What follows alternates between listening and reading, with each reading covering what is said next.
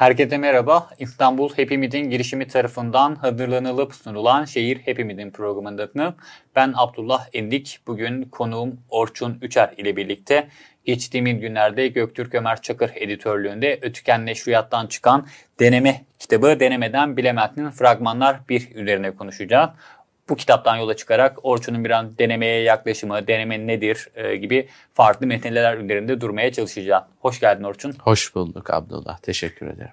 Ee, ben hızlıca kitaba bir giriş yapmak istiyorum ve senin aslında edebiyata dair zengin bir program olacağını düşünüyorum. Çünkü günümüzde İnşallah. edebiyata dair yazdıklarınla, konuştuklarınla e, önemli isimlerden birisin. E, bu noktada ee, senin ilk olarak biyografindeki bir ufak vurgudan başlamak istiyorum. Çünkü ben bu tür vurguları çok kıymetli buluyorum ve bu tür itiraflar veya hani bir kaynak göndermeler bence çok kıymetli. O da şu ki e, bir okur yazar olarak samimi bir bağlılıkla öğretmeni kabul ettiği Nermi Uygur'dan el aldı. Bu bence çok kıymetli bir ifade ve e, bir anlamda da bu hem arka planını göstermesi bakımından hem de senin kişisel okumalarına dair bir ipucu vermesi bakımından kıymetli bir e, ifade. Evet Nermi Uygur'la bağını sorarak biyografine biraz bunu anlamda yola çıkarak başlamak istiyorum. Teşekkür ederim. Şimdi aslında Nermi Uygur tabii birçok kişi, başka kişiler de var. O an Nermi Uygur galiba baskın geldi ki onu söyledim. Neden derseniz işte Ataç da var en başta. Belki Nermi Bey'i de belirleyen e, Ataç da var.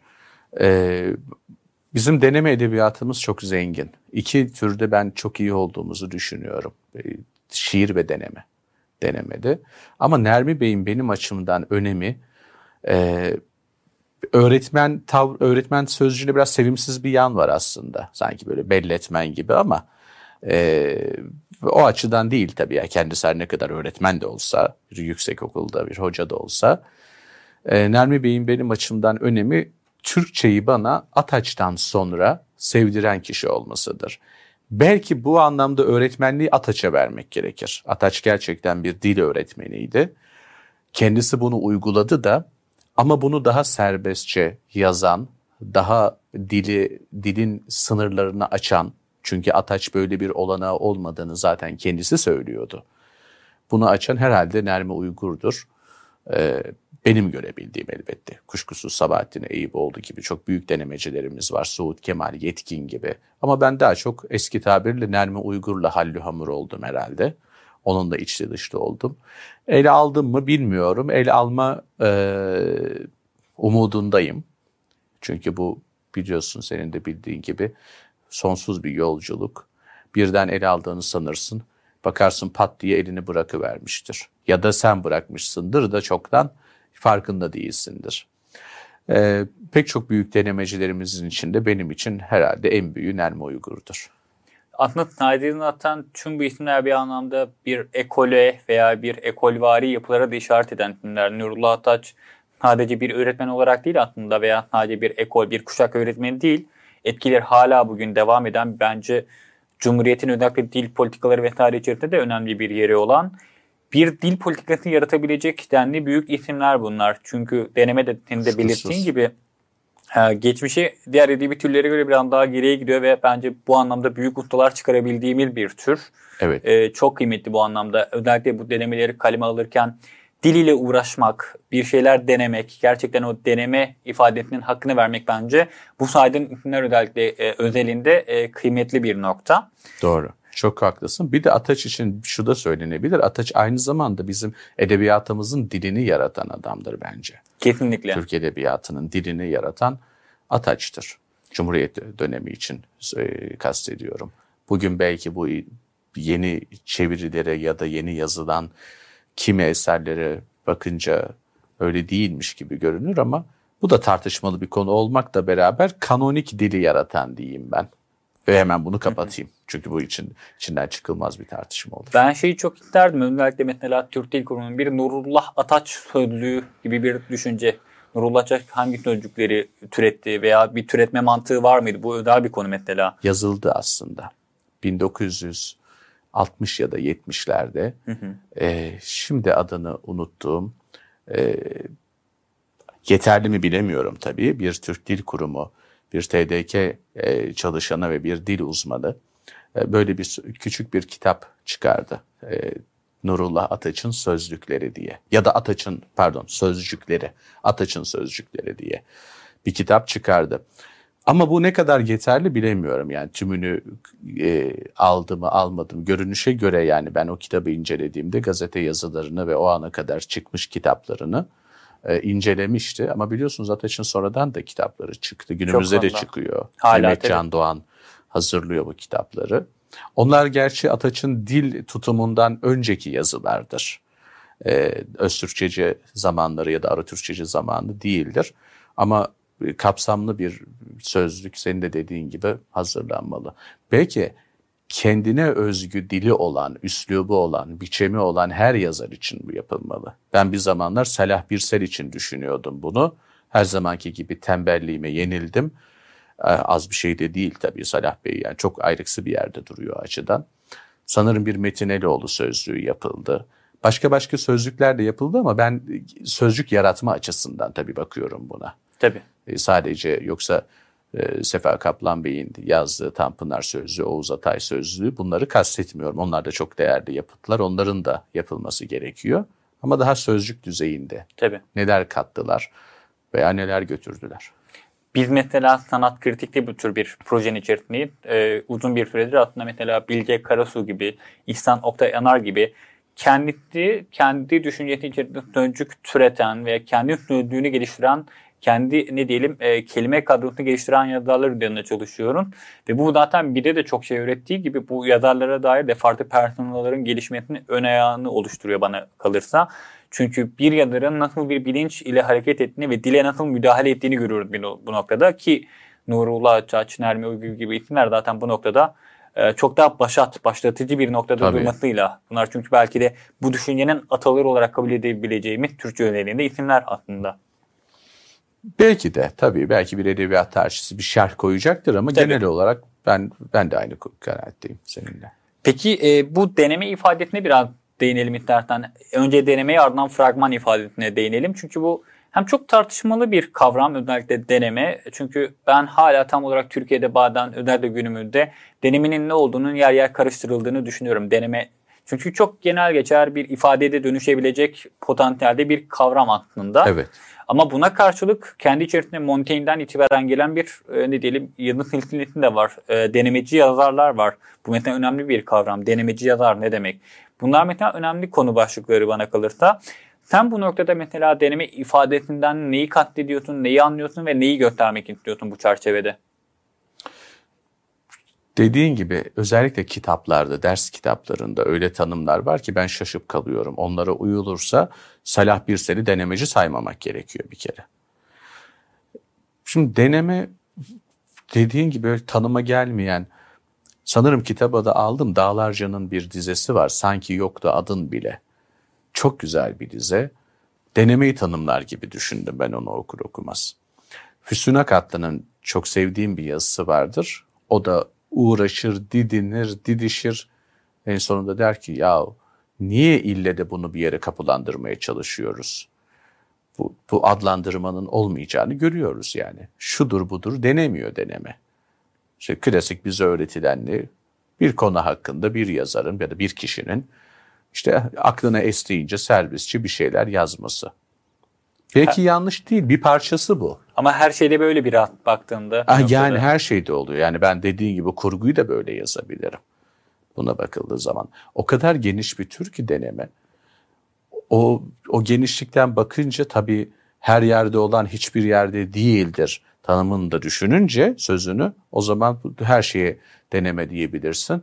Aynı zamanda hiçbir şeyde deneme değildir diyebilirsin.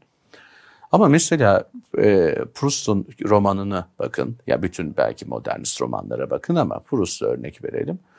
Büyük bir bölümü bana deneme gibi gelir onun. Sa acaba diyorum salt yaptığı çözümlemelerden dolayı mı? İşte gerek ruhsal, e, gerek e, toplumsal çözümlemeleri çok bayılır ona Proust. Onlardan dolayı mı acaba diyorum deneme gibi geliyor. Değil. Belki bir üslup, bir biçim, daha doğrusu bir biçem. Ama diyorsunuz ki ya romanda da biçem var. Bunu buradan ne ayırıyor? Ben de iki kere iki dört bir tanım gösteremiyorum denemeyi. Bunun yanı sıra yazdığım kitaba denemeden bilemezsin adını veriyorum. Aynı zamanda bir de alt başlık ekliyorum fragmanlar diye. E oldu mu sana şimdi fragmanda denemenin bir parçası? Şimdi e, Doğan Hızlı'nın bir sözü vardı. Bir anın hikayesi, öyküsü oluyor da bir anın denemesin için olmasın. Bu anı, bu zamanın küçücük dilimini yazı biçimine döndürürsek belki buna fragman diyebiliriz. Ya da sen şair olduğun için torpili geçeyim belki dize diyebiliriz. Eğer şiirde böyle bir şey varsa. Gerçi bir şiir de bir dize olabilir tabii. Bir, bir dizeden oluşabilir bir şiir. Şimdi bu, bu kitabı e, hazırlarken aslında bunların bir kısmı e, benim uzun denemelerimden kırpıldılar. E, büyük oranda dönüştüler. Çünkü bir yazıyı siz ne kadar kısa kırparsanız kırpın mutlaka bir bağlamı var. Ondan koptuğu anda bitti. O başka bir şeye dönüşüyor. Başka bir şeye dönüşüyor. O fragman da olmuyor. Onu yeniden kurmanız lazım. Erdal Öz geldi aklıma. Ee, romanını Odalarda romanını çok sevdiğim ilk romanıdır Erdal Öz'ün. Ee, onu 95 yılında yayımlanışından 30 ya da 35 yıl sonra yeniden yayımlamaya karar verince bir ön söz yazıyor. Harika bir ön sözdür o. Az önce Ataç dedik ön sözün bir yerinde şöyle der. Ben romanımı yeniden yayımlarken bir takım yerleri düzelttim. Ama Türkçesine dokunmadım. Çünkü biz Türkçeyi Ataç'tan öğrenmiştik. Bizim kuşağın Türkçesi iyidir. Yani Ataç bir edebiyat dili yarattı derken ki Erdal Öz de söylüyor bunu. Onu kastediyordum. Orada şunu söylüyor. Romanı ilk yazmaya başladığındaki 24-25 yaşlarında e, o zamanlar Ataç V bağlacına takmıştı diyor. Arapça diye V'yi kullanmıyordu. Salt Arapça diye değil ama. E, Ataç'ın bir e, sözcüklerin kökenine dair böyle e, bir düşmanlığı yoktu. O Türkçeyi sev, sevdalısıydı, Türkçeyi seviyordu. Ve kimi yerde de Türkçe'ye uymadığını düşünüyordu. Örneğin diyordu ki sokağa çıkın kimsenin V'li konuşmadığını görürsünüz. Hakikaten düşünce biz konuşmamızda V demiyoruz.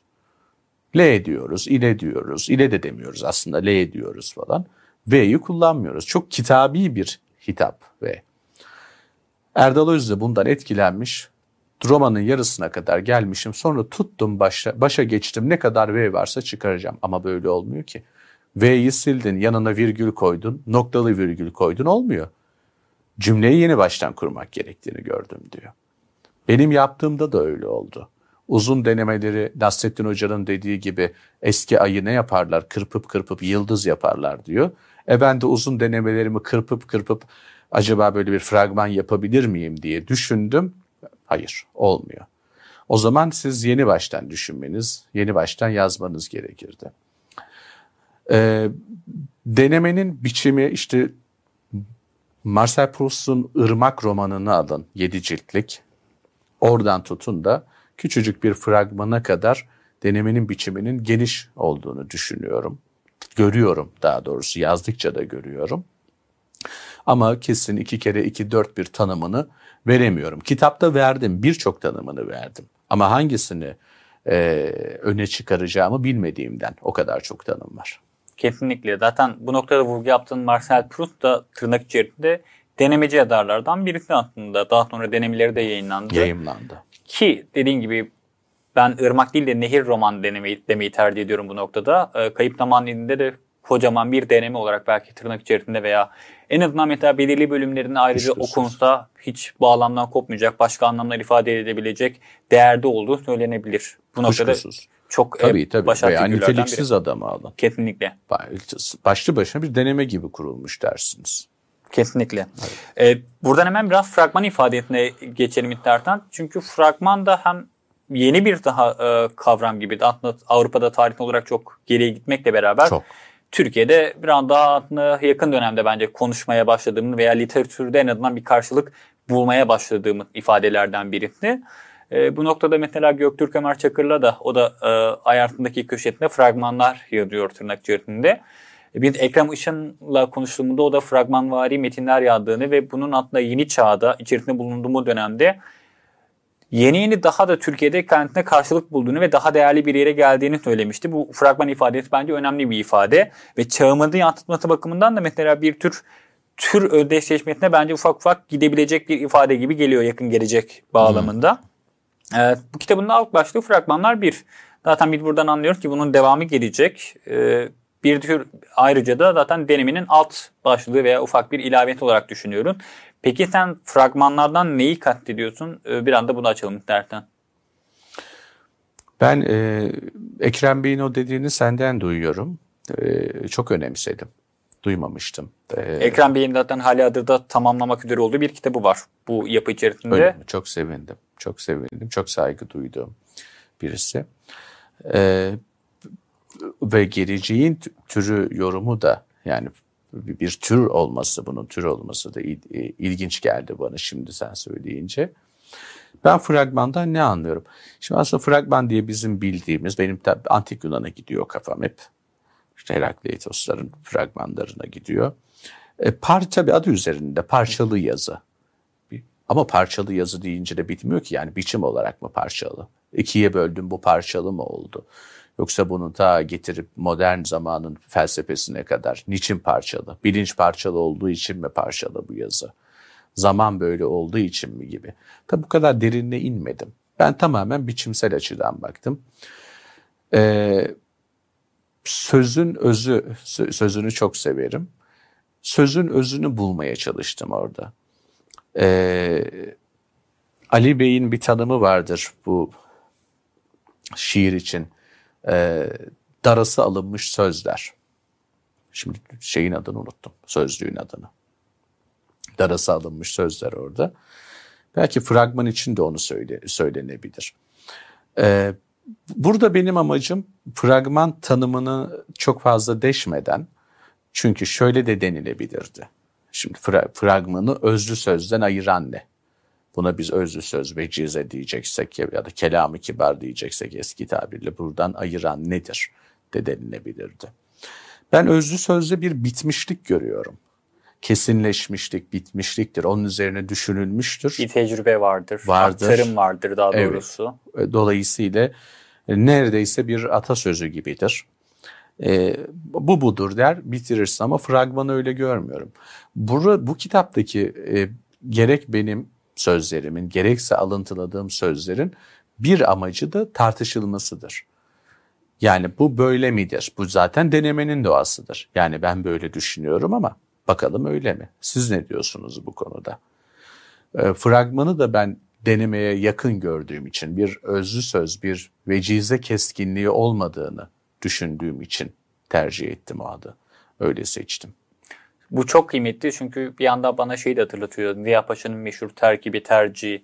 Onun mısraları artık günümüzde o kadar çok yaygın kullanılıyor ki artık bunlar Atatürk'e neredeyse dönüşmüş Tabii. durumda. O derece artık şey Ziya Paşa'dan alıp anonimleştirilmiş bir hale kavuştu. Bu da aslında bu tür küçük ifadelerin, bu tür e, insanı biraz düşünmeye de sevk eden ifadelerin zaman içerisinde ne derece büyük etkiler yapabileceğini bence bir de hatırlatan e, şeylerden birisi. Ama burada fragmanlar bağlamında benim de az önce de senin de söylediğin gibi dikkatimi çeken temel mesele bunların düşünmeye etmesi ve bence bunların biraz daha okunmaya yakın olması. Şimdi atasözleri deyimler daha çok söylenmeye, gün içerisinde üzerine aslında vurgu yapılmaya müsait ifadeler, kavramlar. Ama senin e, bu dil oyunlarına da çok yatkın olduğunu düşünüldüğünde bu fragmanlar ancak okunabilir gibi geliyor bana. Söylendiğinde sanki biraz anlamı e, eksik kalabilirmiş gibi. Çünkü yazılı olarak görmektenin bir noktayı itelik yapman veya bir noktayı tırnak içerisine alman o e, fragmanı başka bir yere e, e, ne diyelim eviriyor, dönüştürüyor, başka bir vurgu yapabiliyor. Bence bu çok kıymetli. Ben çok e, önemsedim. Sadece okunabilir olması söylemem. Yani İlginç geldi bence bana. daha kıymetli yani hani e, anlamını anlamak bakımından tabii, tabii, çünkü tabii, şey tabii. senin de çok biraz güzel. dil kuralları bu dilden çok bahsediyorum ve senin zaten dil üzerine oyunlar yapmaya veya dili farklı şekillerde kullanmaya Nurullah Caç, e, Nermi Uygur tüm bu isimler zaten dil temelli ve dilden yola çıkarak biraz da düşünen isimler. Senin de bu anlamda dile ayrı bir değer atfetmen ve işte o itelikler bunlar kazayla itelik olmuyor. Bir tercih medeniyeti var ve bir vurgu var veya bir kaynak gösterme var veya bir atıf var. Bunlar da ancak okunarak. Veya bir kaçış var. Kesinlikle. O metin görülerek anlaşılabilen evet. şeyler. Bu anlamda bence bu kıymetli bir e, durum. Teşekkür ederim. Rica ederim. Bir diğer noktada aslında bu e, senin e, metnin içeriğindeki temel yapılardan birisi bu kitap bir okuma, bir günce olarak da aslında e, değerlendirilebilir. Ki zaten Doğan Bey de aslında ön e, buna biraz vurgu yapmış aslında. Evet. Bir okuma güncesi demiş ki ben bu ifadeyi de çok severim. E, Doğan Bey bunu çok kullanır. Ben Benim için onunla ödeşleşmiş ifadelerden birisidir. Bu okuma güncesine baktığımda işte Rene Girard'dan Diya Paşa'ya, Recai Nade'den Tanpınar'a kadar milyon tane aklımda gelebilecek neredeyse bütün bir edebiyat tarihini, belki sinema tarihi, tiyatro tarihi hani birçok farklı disiplin de var burada. Bunları görebileceğimin bir saha e, söz konusu ki bu da senin aslında arka planda bir okur olarak aslında ne derece farklı okumalar yaptığını bir de hatırlatan unsurlardan birisi. Peki bir okuma günlüğü olarak bu kitaba yaklaştığımda karşımda nasıl bir tablo çıkar veya senin bu metinler tarafında özellikle sıkça başvurduğun sana yol gösteren veya sana bir kapı aralayan temel yapı taşları, temel yazarlar, etnerler, oyunlar, filmler oldu mu? Valla okuma günlüğü olarak bunu birisi düşündüğünde, eline aldığında karşısına nasıl bir yapı çıkar diye sorduğun herhalde şöyle düşünür. Ya bu herifin işi gücü yok. 24 saat kitap okumuşlar bu kadar çok, bu kadar e, çokluğunun yanında birbirinden başka gibi görünen okuma biçimleriyle. Şimdi benim okumaktan başka bir işim yok. Ee, Belki bunun da getirdiği bir şey. Ne Ama mutlu. İnşallah okumayı seven herkesin başına. Şimdilik tabii bilmiyoruz. Ee, fakat yani okumaktan başka bir işim yok iyi bir söz. Ama e, o, şu anlamada geldiği için okumaktan başka bir zevkim yok. Okumaktan başka bir nasıl diyeyim yaşama biçimi bilmiyorum gibi böyle kötü anlamlara gelebilecek yerlere de gidiyor bu belki. Bilim için değil. Doğru. Ee, e, fakat bu kadar çok çeşitli okuma biçimi ne, neden kaynaklı? Bir açlıktan kaynaklanıyor. Şimdi okuma yolculuğunda bana zaman zaman böyle çok gençler, ortaokulda, lisede okuyanlar soruyorlar ne okuyalım diye. En korktuğum sorudur. E, cevap veremem. Ya ya da en sevdiğiniz kitap nedir? İnanın bilmiyorum. Çok korkarak kaçarım o mekanlardan. Abi, bilmiyorum. Sen bilebiliyor musun en sevdiğim kitap budur diye. Yani bilmem bugün bugün ben Gülten Akın'ı çok seviyorum. Her zaman seviyorum da. Bugün daha bir baskın çıktı bana. E, yarın bilmiyorum ki. Ne, neyi seveceğimi bilemiyorum. Kesinlikle. Bir de sizi tanımıyorum ben. Ben seviyorum da bakalım siz şey misiniz? Ona gidecek. Şu soğutabilirsiniz insana. Ki nice kişi varmış böyle. Ben okumaya hasbel kader başladım eski tabirle. Yani bir okuyan bir eve doğmadım ben. Annem okurmuş ama her anne gibi gençliğinde. O da bugünün çok satan kitapları eleştiriyoruz ya insanlar neler okuyor diyor. Her zaman çok satıyordu onlar ve gelip geçiyorlardı. Bazen Selimilerin dediği gibi okur da yetiştiriyorlardı. Ama çok az. Ben de hasbel kadar öğretmenim bana bir kitap verdi. Ben de açıkçası onun gözüne girmek için okumaya çalıştım. Fakat o, okuduktan sonra onun gözüne girmek bende tamamen düştü ve okuma aşkı başladı. Sanki yıllardır bunu bekliyormuşum gibi. Dolayısıyla sizi yönlendiren olmayınca daldan dala atlıyorsunuz. Benim denemeyi sevmemde, e, fragmanı sevmemde bu daldan dalalılığın da payı var. Aynı zamanda bu her zaman kötü bir şey de değil. Benim için hiç değil. Ee, bu daldan dala yani her çiçekten bir bal alma ya da götürüyor insanı. Belki e, bir üniversite koridorları içerisindeki ya da bir ansiklopedinin içerisindeki daha doğru yöntem açısından ama e, ses açısından daha donuk, tat açısından daha sası, daha yavan bir şeye götürmüyor size. O yüzden denemenin yollarını açıyor size. Bu buradaki bu kitaptaki çeşitliliğin nedeni de o. Birincisi zaten onu sevmem. Bir, bir ne kadar seversem seveyim bir kitap üzerinde, bir üslup, bir biçem üzerinde uzun süre duramamam. Yani Ataç'ı çok severim ama üç gün üst üste okuyamam. Araya bir şey almak zorundayım. Bir roman, bir şiir almak zorundayım. Dolayısıyla bu sizde biraz da bağ kurmaya yol açıyor. Kitapta bolca olan o karşılaştırmalarını nedeni de biraz da o. Yani Enis Batur'un ıssız dönme dolap kitabında dediği okumak bağ kurma sanatıdır da. Ben e, ona kendiliğimden gitmiş oldum bu biçimiyle. Kesinlikle yani ben de mesela ilk okumaları hatırladığımda ben de benzer bir ailede büyüdüm ve aslında kendi yolumu kendim çizdim. Hiçbir yönlendirme olmadı. İyi ki diyorum ben. Sen ne diyorsun bilmiyorum. Kesinlikle yani belki şey bazı şeyleri biraz daha erken keşfedebilirdim ve bence o erken keşifler bazen çok kıymetli dönüşümlere yol açabiliyor. Öyle. Ama kendi yolunu bulmak bence en önemli şey. Bence. Ve hani kendini bilen, biraz bilinç sahibi bir kişi için bence açılabilecek en değerli yol zaten kendi yolunu kendi keşfetmektir. Ben de mesela ilk dönemde özellikle işte Kemalettin Tuğcular bizim müfredatta çok vardı ilkokullarda. Ömer Nefettinler, o falakalar, o işte kanlı eller pek parlak taneler değildi. Ben ilk defa okuma zevkini aslında Evliya Çelebi'de tatmıştım.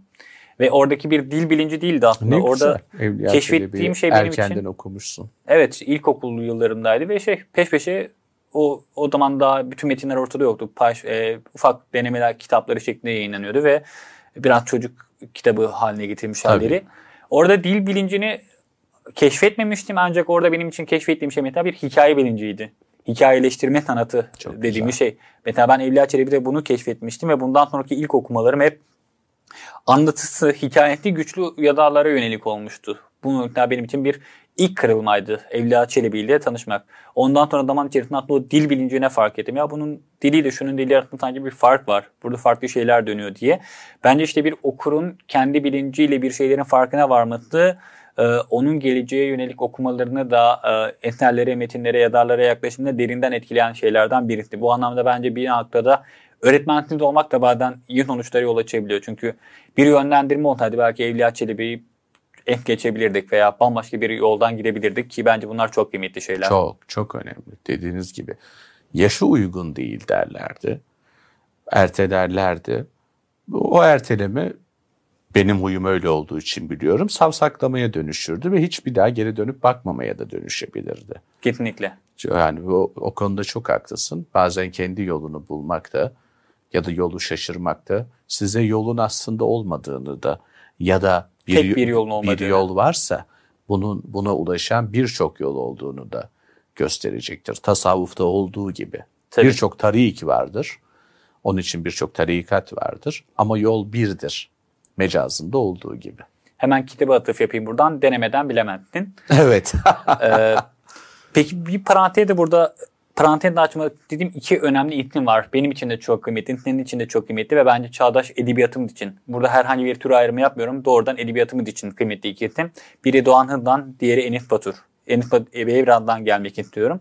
İlk olarak Doğan Hızlan, senin üzerinde önemli bir e, yeri olduğunu biliyorum ki İş Bankası'ndan çıkan Doğan Hızlan kitabında sen yayını hazırlamıştın diye hatırlıyorum. Hayır. Makalem mi vardı? Makalem, orada bir denemem vardı. Ben makale yazmıyorum da evet. denemem vardı. Ama Harvard Üniversitesi'nden çıkanı ben yayımlamıştım Doğan Hızlan Armağan'ı. Ee, Onu Ruken, Sayın Ruken Kızıler hazırladı evet. İş Bankası. Bu noktada Doğan Bey'e bir parantez açmak istiyorum. Çünkü hepimiz üzerinde çok etkili bir isim ve e, biraz konuşmanın başına gönderme yapacak olursam dönemeci isimlerden birisidir. Doğan Bey'in deneme kitapları, deneme metinleri çok kıymetlidir ve bence e, özellikle e, bu kuşağın okumalarında, deneme türü bağlamındaki okumalarında yeri olan kıymetli isimlerden birisi. Edebiyatı tanıtmasını sevdirmesi, köşe yazılarıyla da kıymetli bir isim buna para, e, paralel bir noktada. Biraz Doğan Bey ile ilişkin Doğan Bey'in bir denemeci olarak sendeki etkisini sorayım. Benim ilk okuduğum denemeciler Doğan Hızlan, Füsun Akatlı, Hilmi Yavuz, Enis Batur. Bir kuşak çiftliği şu an zaten. Evet. Ee, ben okumaya lisede başladım. Onun dışında zorunlu dönem ödevleri dışındakileri sayıyorum tabii bilinçli olarak. Severek daha doğrusu okumayı sevmeye lisede başladım. Ee, ve bu kişiler çıktı karşıma. Tabii öyle sanıyorum ki şimdi tam tarihini anımsayamıyorum ama ilk sırada Doğan Hızlan'ın çıkması gerekirdi. Çünkü zaten e, ben o zamanlar 8-10 gazete alırdım. E, ve içlerinde Hürriyet de vardı. aynı zamanda evde de okunan bir gazeteydi. E, ve Doğan Bey bugün olduğu gibi o günde her gün yazardı o yıllarda da. E, mesela bir kitap hakkında yazı yazardı. Koşa koşa gidip o kitabı arardım. Bir kalem hakkında yazı yazardı. Koşa koşa gider ama alamazdım çünkü dolma kalemler bugün olduğu gibi o, o günde çok pahalıydı ama size bir zevk aşılıyordu. Onu görüyordunuz. Ya da zaten sevdiğiniz bir şey hakkında size bilgi veriyordu. Ee, ve yıllar sonra şunu fark ettim. Aslında günlük bir gazetede bir köşe yazısı e, kılıfı içerisinde size deneme okutuyor doğanızdan. Nitekim oradan tabii kitaplarına gittim e, ve gerçekten denemenin o nasıl tarif edeceğimi şimdi bilemiyorum ama o lezzetini, o bin bir çeşit lezzetini neden bin bir çeşit diyeceksiniz. Evet denemeleri bunlarla tanıdım ama e, okulda öğretilen deneme tanımının dışında da şeyler gördüm. Ya da daha sonradan okuyacağım Ataç'ta ve Nermi Uygur'da gördüğümün. Doğan Bey e, Ataç ve Uygur'un e, aksine Osmanlıca sözcükleri ve deyimleri de çok kullanır. Ama doğrusu bunu yakıştırır da. Zaten benim için de önemli olan odur. Ben evet Ataç'ı çok severim. Ben evet Arı Türkçeyi çok severim, çok önemserim. Ee, ama yazı dediğiniz en nihayetinde bir yapıdır.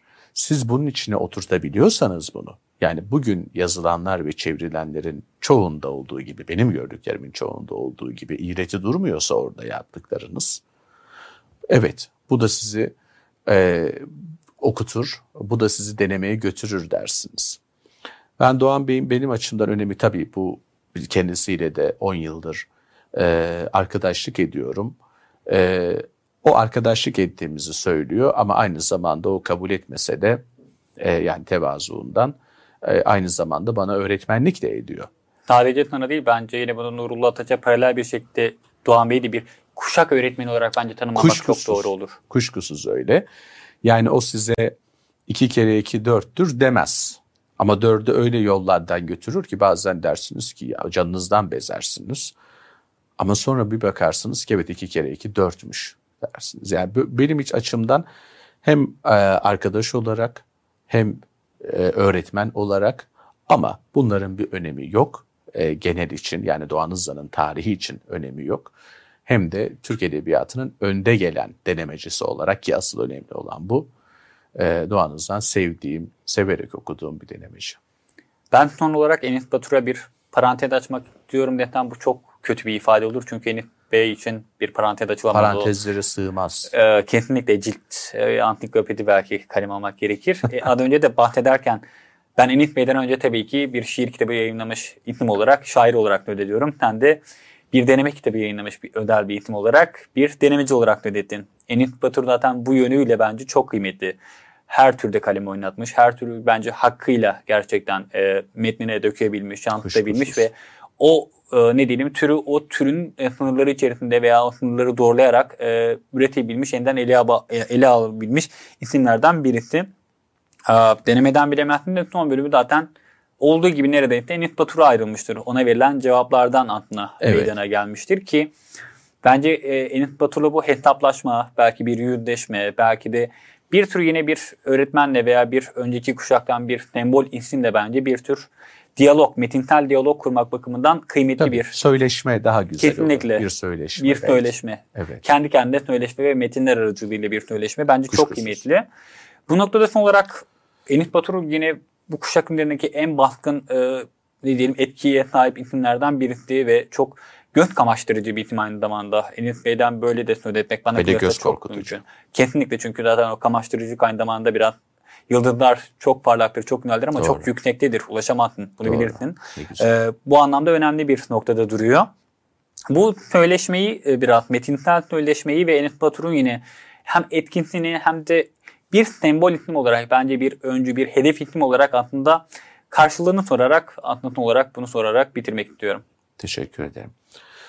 Enis Batur benim çok sevdiğim, çokça da kavga ettiğim birisi, bir sanatçı. Tabii kendisi bunu duyunca biz ne ara kavga ettik diyecektir ama tabii metinleriyle. Yani ben o kişileri e, Doğanız'dan da olduğu gibi e, kişisel olarak tanısam, arkadaşlık etsem de benim için her zaman metinler öndedir. E, çünkü kamusal yanından söz ediyoruz. E, bir kitabını baştan sona öfkeyle doldurduğumu hatırlıyorum notlarla. Ama nasıl sinirlenmişim okurken. Niye? Niye? Sonradan dönüp baktım yıllar sonra. Ne, niye diye. Belki ondaki yazma gücünü gücüne hiçbir zaman erişemeyeceğim için bilemiyorum. Ee, beni her zaman etkilemiştir Enis Batur. Her söylediğini, her yazdığını okuma isteği uyandırmıştır. Zaman zaman belki öfkemin de nedeni o, okuma isteğinden çok bir okuma zorunluluğu uyandırdığında hissediyorum. Hemen alıp okumalıyım gibi bir e, nasıl diyeyim bir sendroma neredeyse dönmüştür. Veya gözden kaçırdığım bir kitabı olduğunda ki bu bence Batur'da çok karşılaşılan bir durum. Çok nasıl olan, görmediğim, çok nasıl olan. haberim olmaz, nasıl hani bugüne kadar Tabii. ıskaladım ve özellikle kitabı okuduktan sonra da yine yazmış ve ben nasıl bugüne kadar görmemişim etkisi uyandıracak metinler kaleme alıyor. Kuşkusuz. Ama bütün bu benim söylediklerim için söylüyorum. Bu cafcaflı tanımlamaların dışında tabii temelde yine sevgi var. Senin de muhakkak, muhakkak vardır Abdullah. Üslubunu, biçemini özlediğin yazarlar vardır, sesini özlediğin. Ben Füsun Akatlı'yı çok özlerim. Enis Batur'u çok özlerim. Zaman zaman özlersiniz onu. Gülten Akın'ı çok özlerim. Bugün onunla söyleşmek istiyorum derim. Ataç'ı çok çok özlerim. Ataç'ı nedense ben doyamam. Belki beni çok çok azarladığı içindir bilmiyorum ama böyle bir mazoist yan da var herhalde okurda, okur olarak bende. Enis Batur senin dediğin gibi yani hangi kimliği koyacaksınız Enis Batur'u? Ama çok güzel kendisi kendini tanımlıyor. Yazı adamıyım diyor ben. Bu kadar. Yazı adamı.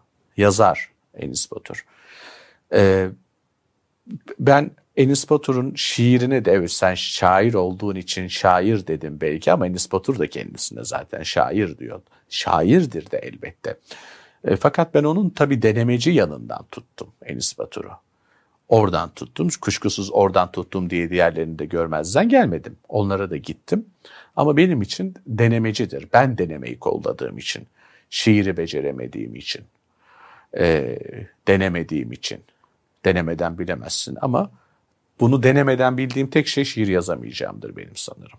Bak şimdi geldi aklıma böyle bir şey olabilir. Şiir yazamam herhalde. Yani bir şairin karşısında oturduğum için söylemiyorum. Ciddiyim. Estağfurullah. Ee, Enis Batur bana çok şey öğreten ama çok yani bu öğretenin sevimsiz anlaşılmasını da hiç istemiyorum da.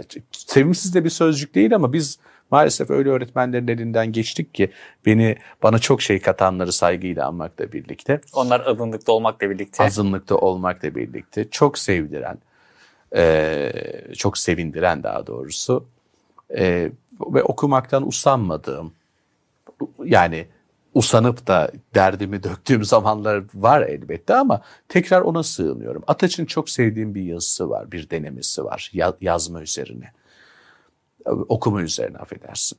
Diyor ki nedir diyor bu oku oku ne yapacağız diyor biz bu okumayla nereye kadar okuyacağız ne saçma bir iş.